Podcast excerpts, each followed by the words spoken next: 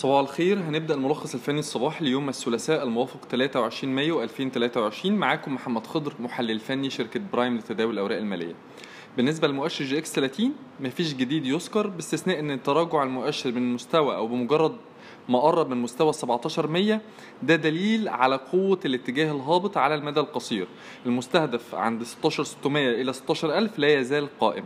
بالنسبة لمؤشر EGX 70 إحنا شايفين ان هو لا يزال قادر على استهداف مستوى مقاومته عند 3100 بالنسبة لي ملاحظات التداول النهاردة أول حاجة عندنا بالتون المالية القابضة نظرتنا عليها إيجابية بعد ما كسر 3 جنيه 80 طيب النظرة الإيجابية دي معناها إيه؟ معناها إن هي ممكن تستهدف منطقة المقاومة التالية ليها ما بين ال 4 جنيه إلى ال 4 جنيه 20 وده على المدى القريب.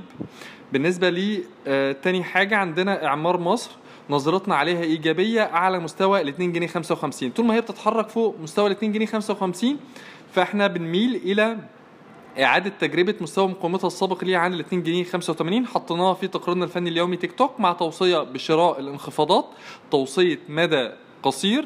منطقة الدخول المقترح هتبقى بدءا من 2 65 وصولا إلى ال 2 إلى ال 2 جنيه 60 مستهدف زي ما قلنا 2 جنيه 85 وقف الخسارة هيكون عند ال 2 جنيه 55 أخيرا زهراء المعادي نظرتنا عليها إيجابية طول ما هي بتتحرك أعلى مستوى الدعم عند ال 5 جنيه 30 بمعنى بمعنى إن هي طول ما هي فوق ال 5 جنيه 30 هي مؤهلة لإعادة تجربة مستوى المقاومة ليها عند ال 5 جنيه 80 أو منطقة المقاومة بين ال 5 جنيه 80 إلى ال 6 جنيه.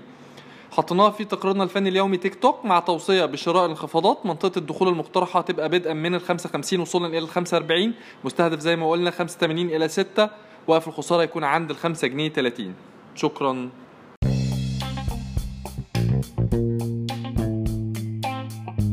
يرجى العلم أن هذا العرض هو لأغراض معرفية فقط ولا يمكن اعتباره عرض أو توصية شراء أو بيع أو إدارة استثمارات أو خدمات استشارية. ينصح باستشارة مستشارك المالي قبل اتخاذ أي قرار استثماري علما بأن الأداء التاريخي ليس مؤشرا يعتمد عليه لتحديد الأداء في المستقبل.